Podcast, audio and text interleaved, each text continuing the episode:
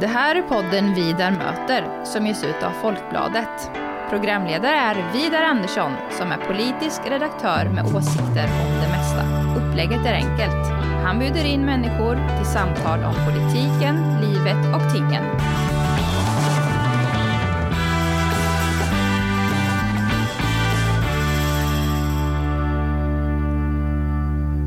Varmt välkommen till eh, Vidar möter Hans Stigsson och eh, Alex Vårstrand. Ni är båda två politiska redaktörer på Norrköpings Tidningars ledarsida. Hans Stigsson har ju varit med i podden förut och är en erfaren redaktör på NT. Och, Tack, tack så mycket. Mm, och eh, Alex Vårstrand, du är alldeles ny. Det stämmer. Ja. Eh, Du ska ersätta Stigson eh, under en månad i sommar. Ja, precis. Det, Så, så ligger det till. Ja. Och du kommer från Göteborg. Eller du bor i Göteborg nu. Ja, precis. Jag bor i Göteborg jag, är från Västerås. Där har den här lilla gnälliga brytningen.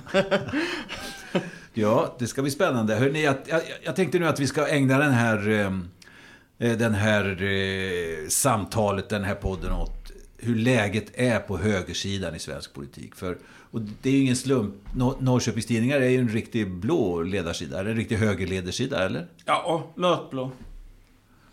Riktigt mörkblå. Ja. Eller hur? Och ni ber inte om ursäkt för det.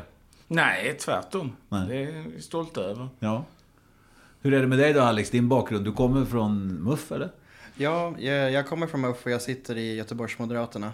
Eh, så du kan väl kalla mig rätt mörkblå också. Ja, okej.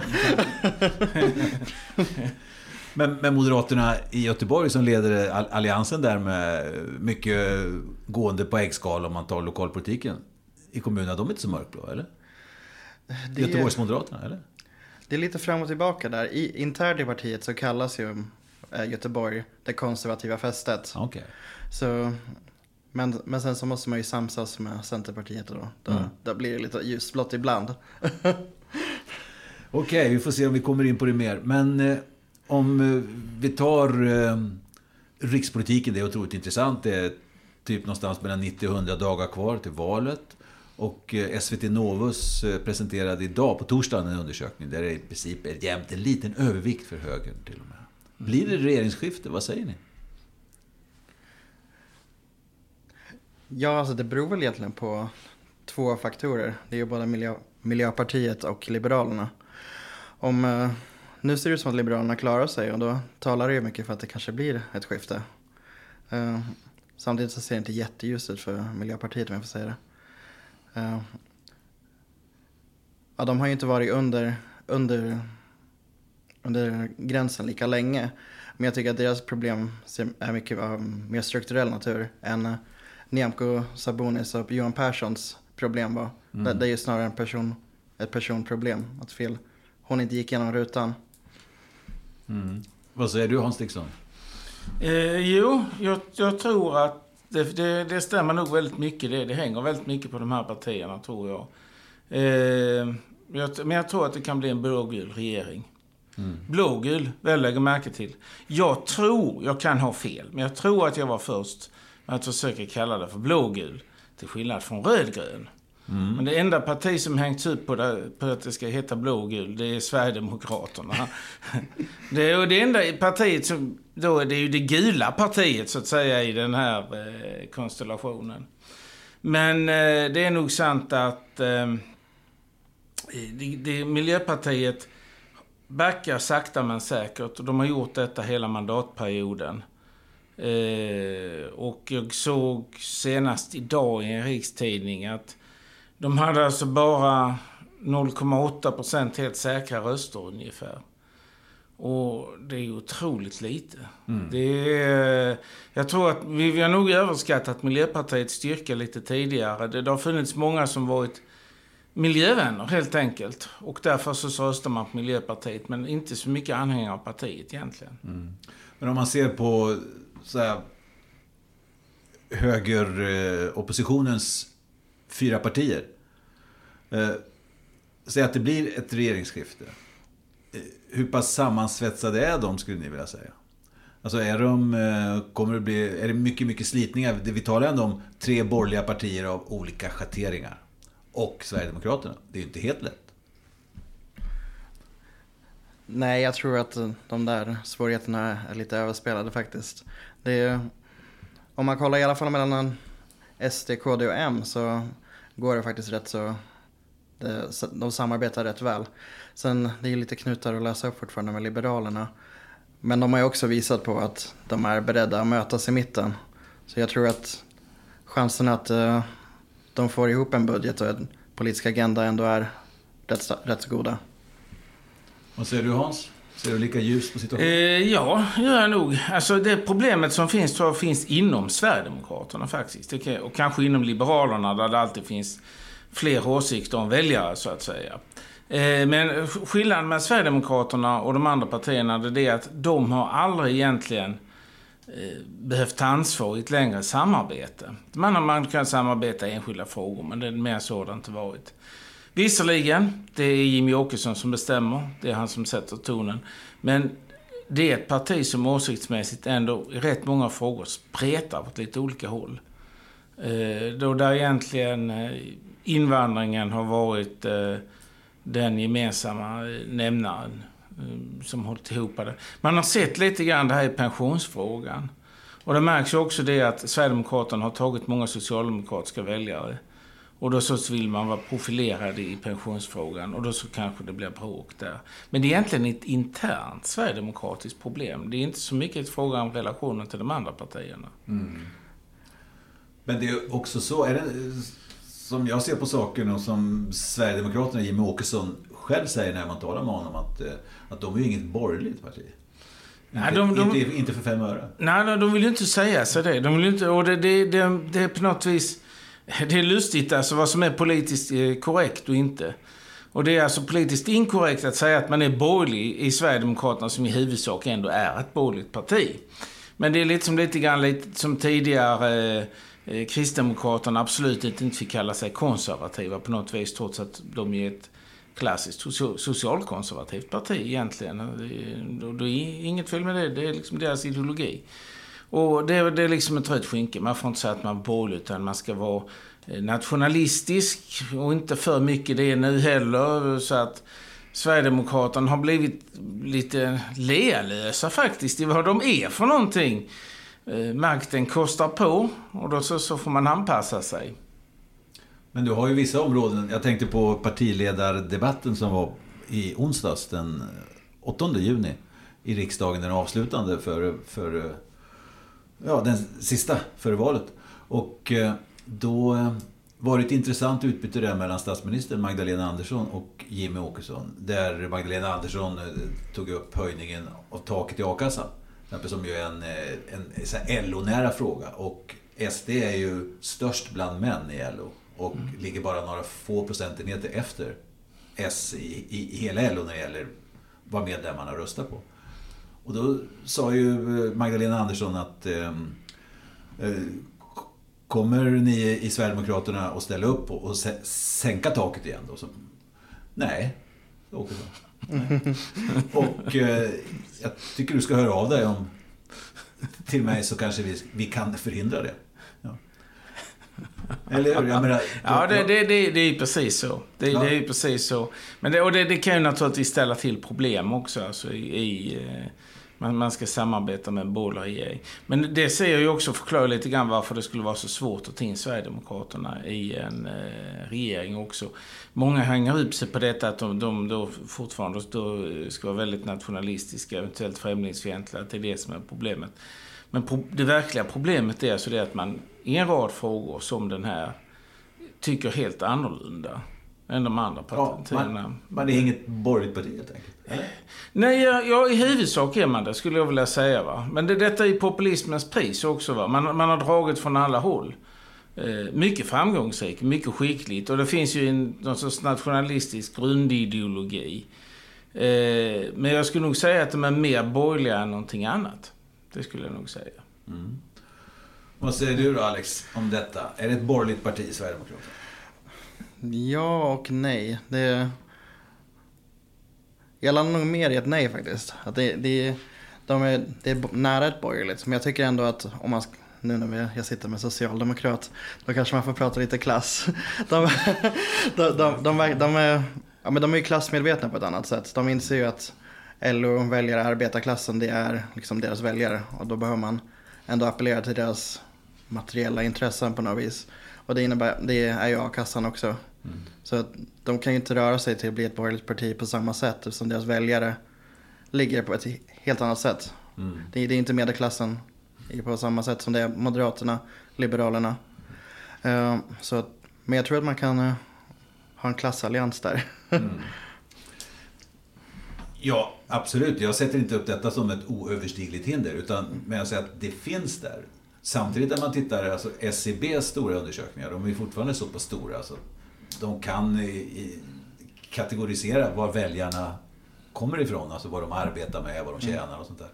Och då när man ser på de senaste uppgifterna som kom där så är ju SD är ju inte bara väldigt stora i LO, utan de är ju störst när SCB tittar på företagare inklusive, alltså samtliga företagare inklusive lantbrukare är en grupp. Mm. ligger man på 29 procent. Man är 4-5 procentenheter större än Moderaterna där. Så det, det, det är ett väldigt brett mm. segment man, man tilltalar av medborgarna i Sverige. Jag tror man, de får rätt mycket småföretagare. Och där, där tror jag Moderaterna får skärpa sig lite grann också verkligen. Man är nog vant vid att de alltid röstar på Moderaterna. Mm. Det finns en del som röstar på Liberalerna och en del röstade tidigare på Centern, men i stort sett. Men det får man också ut med. Att jag, jag, jag tror detta att det är lite andra förutsättningar mellan små och storföretag också. Lite andra prioriteringar. Mm. Eh, det verkar ju vara väldigt frostigt mellan Moderaterna och Centerpartiet.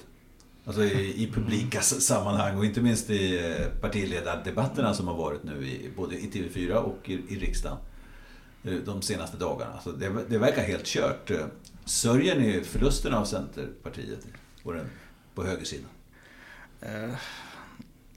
Nej, det ska jag nog inte säga att man gör. Inte i någon stor utsträckning. Det finns ju en liten, liten falang i alla partier som ändå saknar alliansen. Och det kommer nog alltid göra. Men jag tror att de flesta inser att det där var, har körts i, grund, i botten. Uh, och vi kommer inte kunna komma tillbaka till det.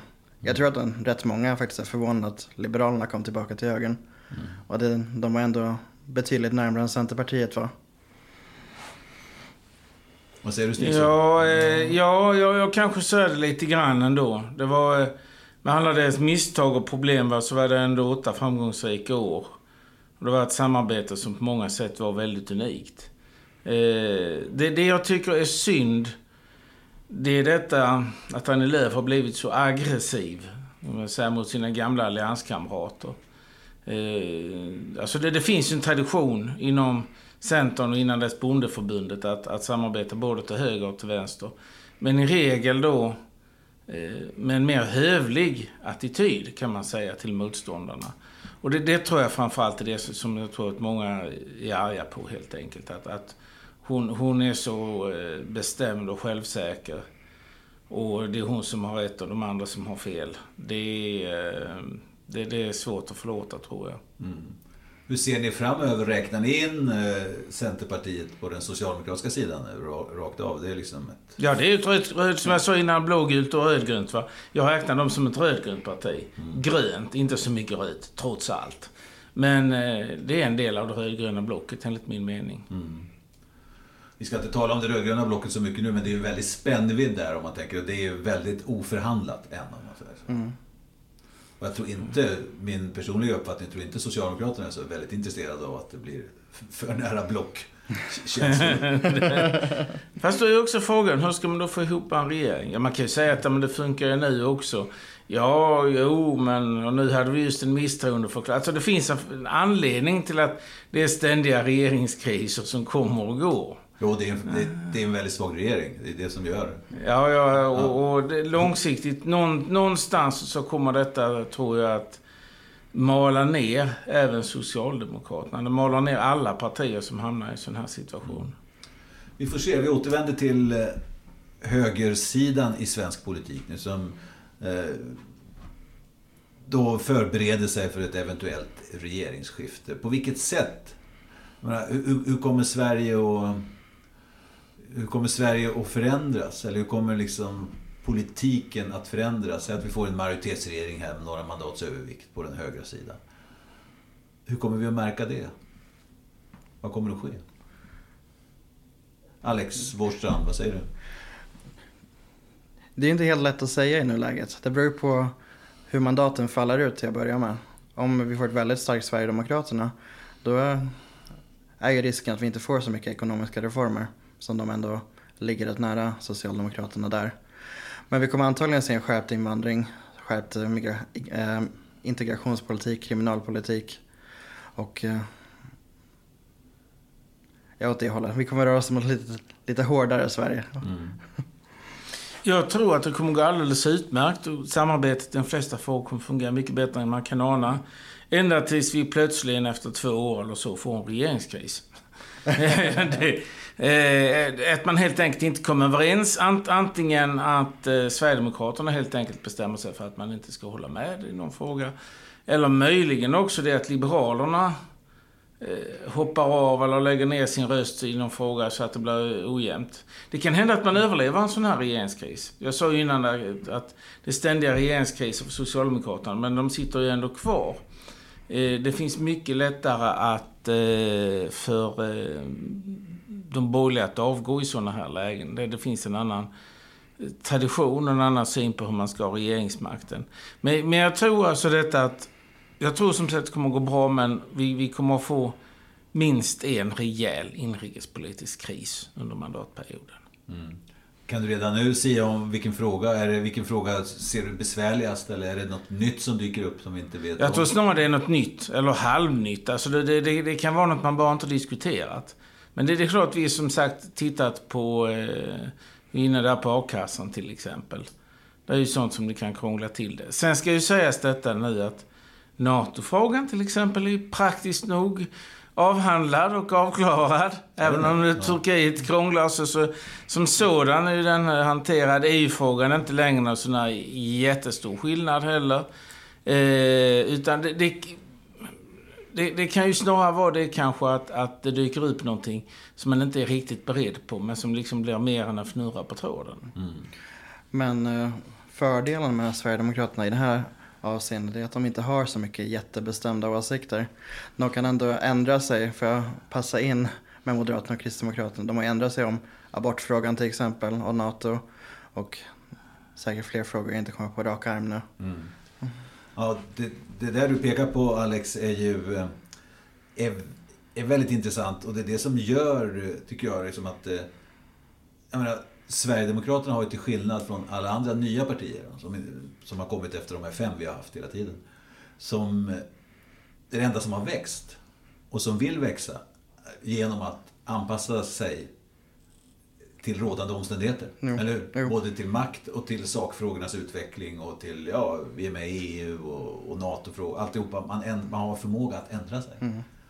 Och då växer man. Mm. Så, det är en ganska imponerande växt. Om man ser de andra Kristdemokraterna har en bra partiledare som kan eh, driva kampanjer. De gör bra valrörelser.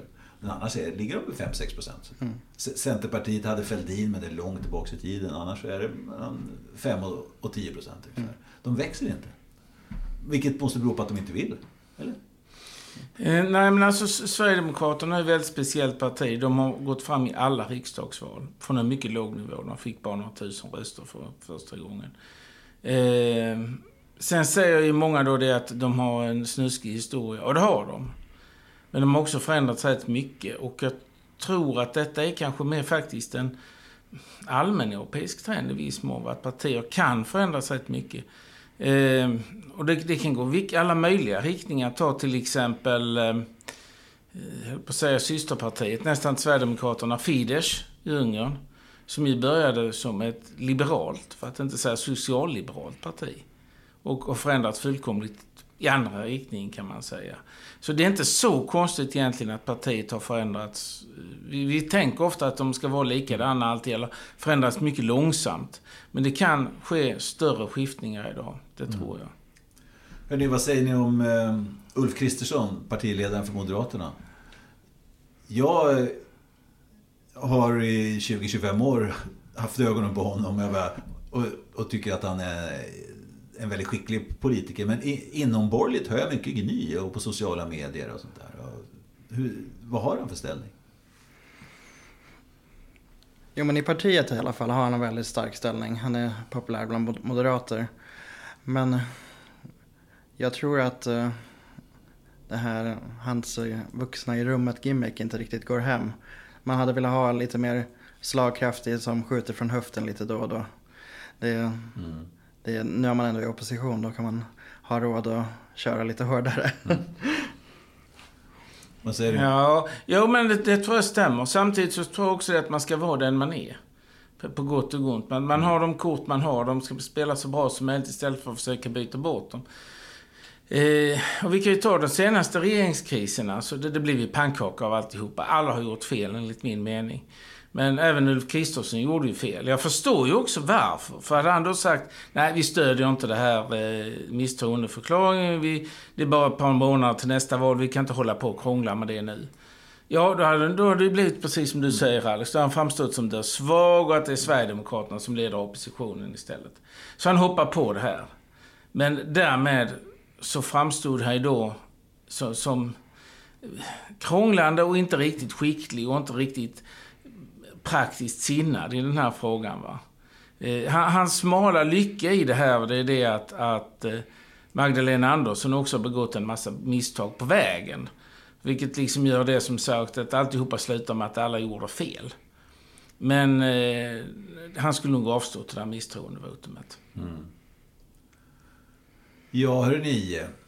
Stort tack för att ni ville vara här och i podden och tala lite om eh, högersidans eh, planer och styrkor och små risker har ni också nämnt. Stort tack Hans Stigson och Alex Wårstrand från Norrköpings Tidningars ledarsida.